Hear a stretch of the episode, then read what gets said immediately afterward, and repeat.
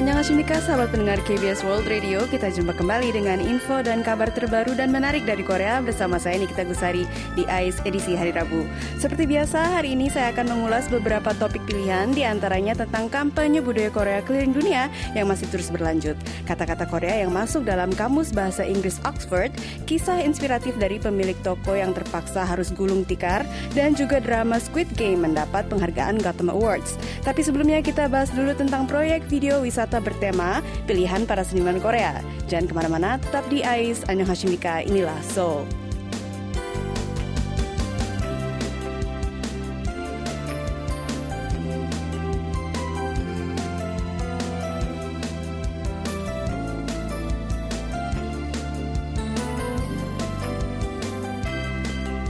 Sahabat pendengar, akhirnya kita tiba juga ya di bulan terakhir tahun 2021 ini. Dan sama kayak tahun lalu, teman-teman juga ngerasa nggak sih kalau tahun ini tuh berjalan dengan begitu cepat? Padahal banyak banget hal yang ingin kita lakukan tapi belum kesampaian. Semuanya gara-gara COVID nih ya. Selalu memberikan harapan palsu nih COVID. Giliran tampaknya udah mulai reda, vaksin juga udah lengkap, dan kita udah excited banget. Eh, kasusnya naik lagi dan malah sekarang ada varian baru Omicron yang katanya lebih mematikan. Mudah-mudahan teman-teman pendengar tetap aman dan sehat semua ya. Apalagi sekarang di Indonesia juga lagi musim hujan kan ya. Jaga kesehatan semuanya ya. Oke, sekarang kita bahas yuk topik pertama hari ini, yaitu 10 wisata bertema di Korea, pilihan para seniman Korea, artis K-artist. K-artisnya macam-macam nih pendengar, ada dancer, ada grup perkusi, ada grup balet nasional, dan masih banyak lagi. Pilihan tempat-tempat wisata ini bukan hanya sekedar daftar atau ulasan artikel dari majalah atau surat kabar aja, tapi ada proyek videonya juga yang akan ditayangkan di channel YouTube K-Tour Top 10 mulai tanggal 2 Desember besok dengan tema Karak The Movement in Korea. Katanya, selain menonjolkan keindahan tempat-tempat wisata di Korea, video-video ini juga akan menampilkan kecantikan pakaian hanbok dan juga seni tari balet dan musik Korea. Sutradara utamanya adalah Park Hwi-sop, mantan balerino dari grup balet nasional Korea. Kalau teman-teman pernah nonton seri Netflix Sweet Home nih, beliaulah yang mendesain opening credit seri ini. Hanboknya juga dirancang oleh desainer terkenal Chai Kim, kepala desainer kostum dari drama Mr. Sunshine. Pakaian hanbok yang dipadukan dengan balet katanya akan semakin menonjolkan keanggunan garis-garis dan lipatan dari pakaian hanbok itu sendiri. Penari terkenal Jang Herim dari 99 Art Company akan mempersembahkan tarian dalam video yang disyuting di daerah Jongson dan Pyeongchang. Sementara grup perkusi Tago akan menunjukkan keindahan daerah Buan, Provinsi Jeolla Utara. Ada juga performance dari grup balet nasional Korea yang disyuting di daerah Danyang, Jachon, Chungju, dan juga Yongwol. Proyek Garak, The Movement in Korea, dikerjakan dengan kerjasama 39 pemerintahan lokal di berbagai kota di Korea untuk kembali menghidupkan wisata domestik Korea. Hmm, saya juga jadi ikutan penasaran nih pendengar. Soalnya dari beberapa daerah yang tadi saya sebutin, ada yang belum pernah saya kunjungi juga loh. Kita cek sama-sama yuk kayak apa sih videonya di channel K-Tour Top 10 besok.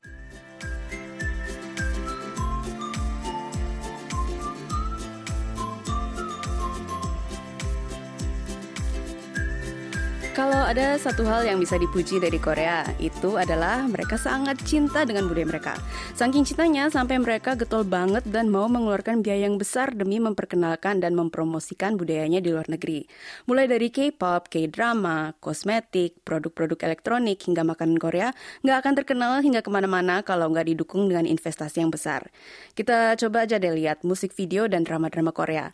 Dari kualitasnya kita udah bisa kira-kira ya, berapa besar budget yang disediakan. Soalnya kalau nggak begitu, mereka nggak akan bisa bersaing dengan budaya dari luar negeri, terutama dari Amerika dan Eropa yang biasanya jadi standar pop culture di dunia. Baru-baru ini untuk mempromosikan budayanya, pemerintah Korea sampai membuat kampanye budaya keliling dunia. Cultural Heritage Visit Campaign, di mana video-video budaya Korea ditayangkan di berbagai layar billboard LED di kota-kota besar di seluruh dunia. Sudah kita bahas juga ya di AIS beberapa kali. Proyek ini dimulai dari Times Square di kota New York dengan video promosi hanbok di bulan Juni. Lalu video promosi makanan Korea di kota London di bulan Agustus. Dilanjutkan ke video promosi rumah tradisional Hanok di kota Bangkok, Thailand di bulan Oktober. Dan terakhir di bulan November adalah video promosi aksara Korea Korea Hangul di distrik Shibuya, kota Tokyo, Jepang, yang terkenal ramai banget ya. Video ini dimulai dengan kartu nama berbentuk huruf Iyeng, Shiot, dan Miem, yang bentuknya mirip banget dengan lingkaran, segitiga, dan persegi seperti lambang Squid Game ya. Lalu muncul huruf-huruf Hunmi Jong-eum alias huruf-huruf Hangul zaman dahulu sesuai dengan yang diciptakan oleh Raja Sejong. Baru setelah itu muncul para model multinasional yang membentuk kata-kata dari kartu-kartu Hangul tersebut. Video ini menunjukkan bagaimana gampangnya cara menulis dan membaca huruf Hangul. Emang bener sih teman-teman ya, menghafal huruf dan menulis serta membaca bahasa Korea itu memang gampang banget. Dua atau tiga hari aja udah bisa. Tapi masalahnya kita bisa ngerti nggak? Saya sendiri udah 15 tahun tinggal di Korea aja masih banyak kata-kata yang nggak ngerti ya. Ngomong-ngomong soal promosi Hangul, katanya ada juga buku Learn Korean with BTS atau belajar bahasa Korea bersama BTS yang akan diterbitkan melalui berbagai universitas dan juga Institut Sejong di seluruh dunia. Lewat buku ini, para ARMY bisa belajar dan menyanyikan lagu-lagu BTS. Apalagi kan BTS sudah mulai rangkaian konser mereka kan? Begitu ya pendengar, mungkin kita harus nyontek cara promosi budayanya Korea. Promosinya tuh nggak hanya satu hal aja, misalkan K-pop doang atau drama doang. Dalam K-drama itu biasanya diselipin adegan-adegan makan makanan Korea yang kelihatan enak banget. Terus OST-nya dinyanyiin sama para idol. Terus nanti para idolnya bikin single baru sekaligus promosiin budaya Korea lainnya seperti promosi hanbok. Jadi ada interkoneksinya gitu ya. Maka jadilah Korean Wave yang sukses seperti sekarang ini. Terus kalau udah sukses juga mereka tetap nggak berhenti promosinya. Tetap dong pasang iklan di billboard di pusat kota berbagai negara. Promosi video Hangul di Shibuya ini aja katanya akan dipasang selama satu bulan loh. Kita tungguin aja ya, setelah Shibuya katanya akan promosi lainnya di Australia dan juga di Afrika Selatan. Kira-kira apa nih budaya Korea yang bakal dipromosikan?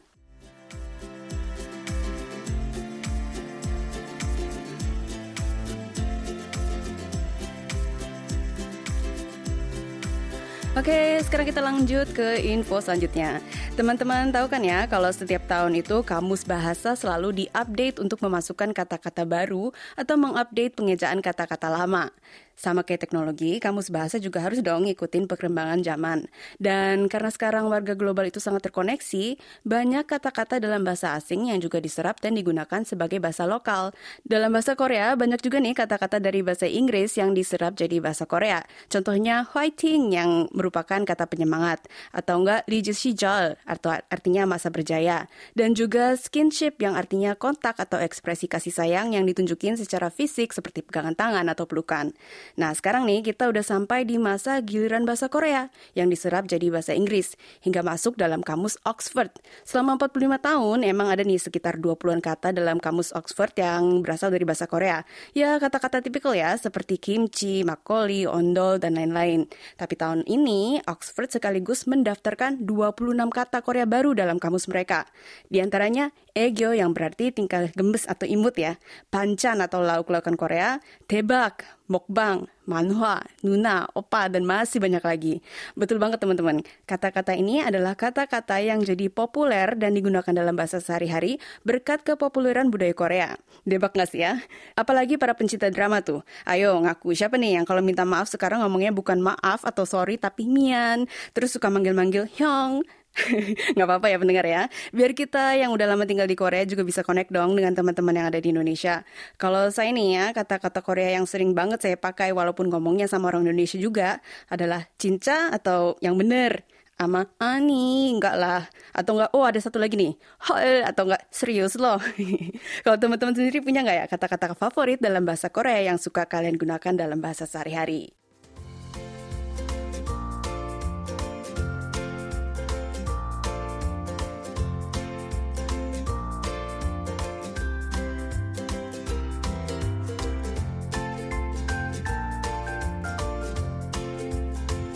Teman-teman, di program AIS ini kita nggak cuma ngebahas seleb yang terkenal aja ya. Kadang-kadang kita juga suka sharing cerita-cerita dari warga biasa yang menjadi viral karena inspiratif dan bikin hati kita jadi anget rasanya. Nah, kali ini saya ada cerita tentang pasangan pemilik supermarket lokal yang menjadi viral dan terus terang saya pas baca ceritanya juga sampai mau nangis nih pendengar. Jadi gini nih ceritanya. Tanggal 24 November kemarin ada sebuah postingan di komunitas online yang berjudul untuk pemilik supermarket kompleks yang akan gulung tikar. Kalau di Korea nih, biasanya setiap kompleks apartemen itu atau enggak perumahan ada semacam ruko atau enggak gedung pertokoan kecil yang disebut sangga. Nah, di sangga ini ada supermarket kecil yang pemiliknya biasanya adalah warga lokal. Spontan orang-orang penasaran dong, ini postingan tentang apa sih? Kenapa supermarketnya bisa gulung tikar? Ternyata beberapa waktu yang lalu, istri sang pemilik toko ini difonis mengidap kanker dan harus menjalani perawatan kemoterapi. Mereka punya anak yang masih duduk di kelas 4 SD. Jadi karena istrinya harus menjalani perawatan, si suaminya akhirnya memilih untuk menutup supermarketnya demi bisa menjaga istri dan anaknya. Jadi sebenarnya supermarketnya itu bukan gulung tikar karena bangkrut atau apa ya, tapi karena pemiliknya terpaksa harus menutupnya karena situasi keluarganya. Biasanya nih kalau ada toko mau tutup di Korea, semua stok barang barang yang mereka punya harus cepat-cepat dijual. Kalau enggak, barang-barangnya bakalan dibuang. Padahal untuk stok produk di supermarket kan pasti butuh modal banyak ya. Apalagi supermarket jual makanan yang ada tanggal kedua luarsanya.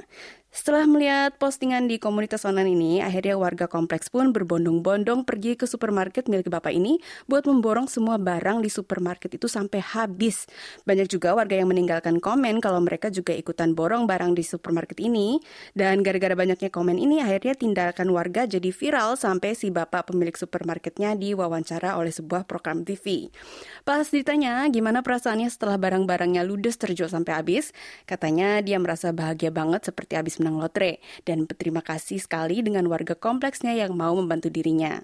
Karena seluruh isi supermarket itu harus dikosongkan, bapak itu sampai menyuruh para pelanggannya buat bawa pulang aja keranjangnya sekalian. Soalnya nggak bakal dipakai lagi kan? Wah, yang bikin saya terharu itu selain warga yang baik banget mau membantu bapak pemilik supermarket ini, sebenarnya yang lebih bikin saya terharu lagi itu adalah bapaknya sendiri yang rela menutup bisnisnya demi menjaga istri dan keluarganya. Nggak kebayangkan ya berapa banyak kerugian yang bakalan dia derita seandainya nih warga nggak berbondong-bondong borong barang dagangannya di supermarket. Udah begitu anaknya masih kelas 4 SD juga ya, pendengar sama kayak anak saya juga nih, juga kelas 4 SD. Mudah-mudahan ya biaya yang didapat dari hasil jualannya bisa cukup untuk perawatan istri dan juga membesarkan anaknya. Sukses terus buat si bapak ya, fighting!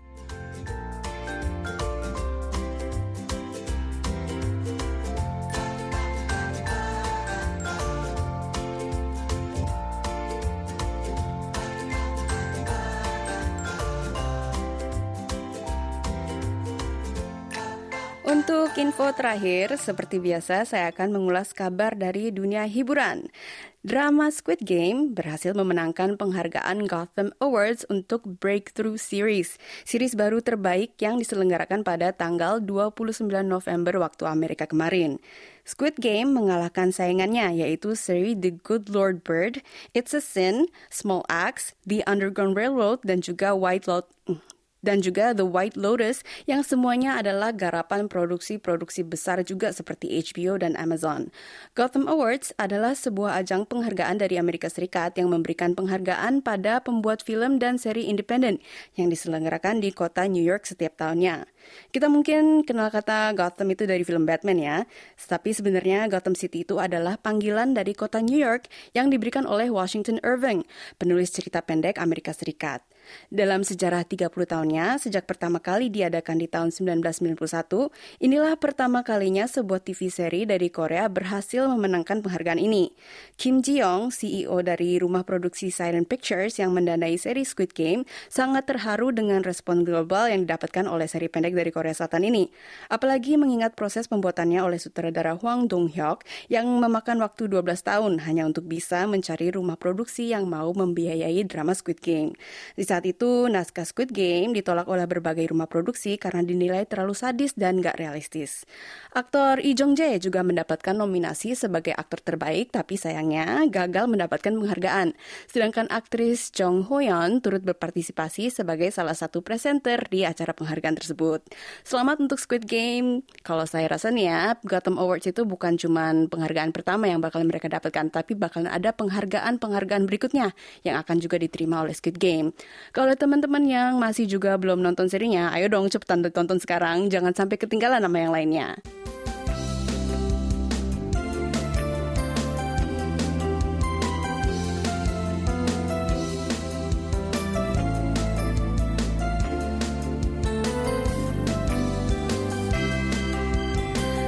ya teman-teman udah menemani saya siaran hari ini. Semoga programnya bisa menghibur, nambah wawasan tentang Korea dan juga memberikan inspirasi buat teman-teman yang mendengarkan di rumah. Kita jumpa lagi di AIS Rabu minggu depan, tapi jangan lupa ya dengerin juga dong AIS dengan host lainnya. Dari hari Senin sampai hari Kamis, cuman di KBS World Radio. Stay safe, stay healthy, deildo, Hamkeheong.